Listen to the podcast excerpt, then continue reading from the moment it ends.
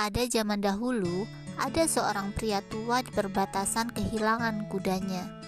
Orang-orang pun pergi untuk menghiburnya.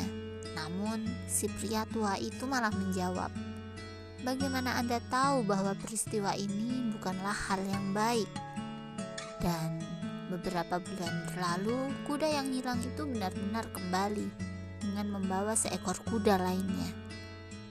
Ini adalah metafora bahwa kemalangan dan keberuntungan sering terjalin dan tidak dapat ditentukan pada suatu waktu.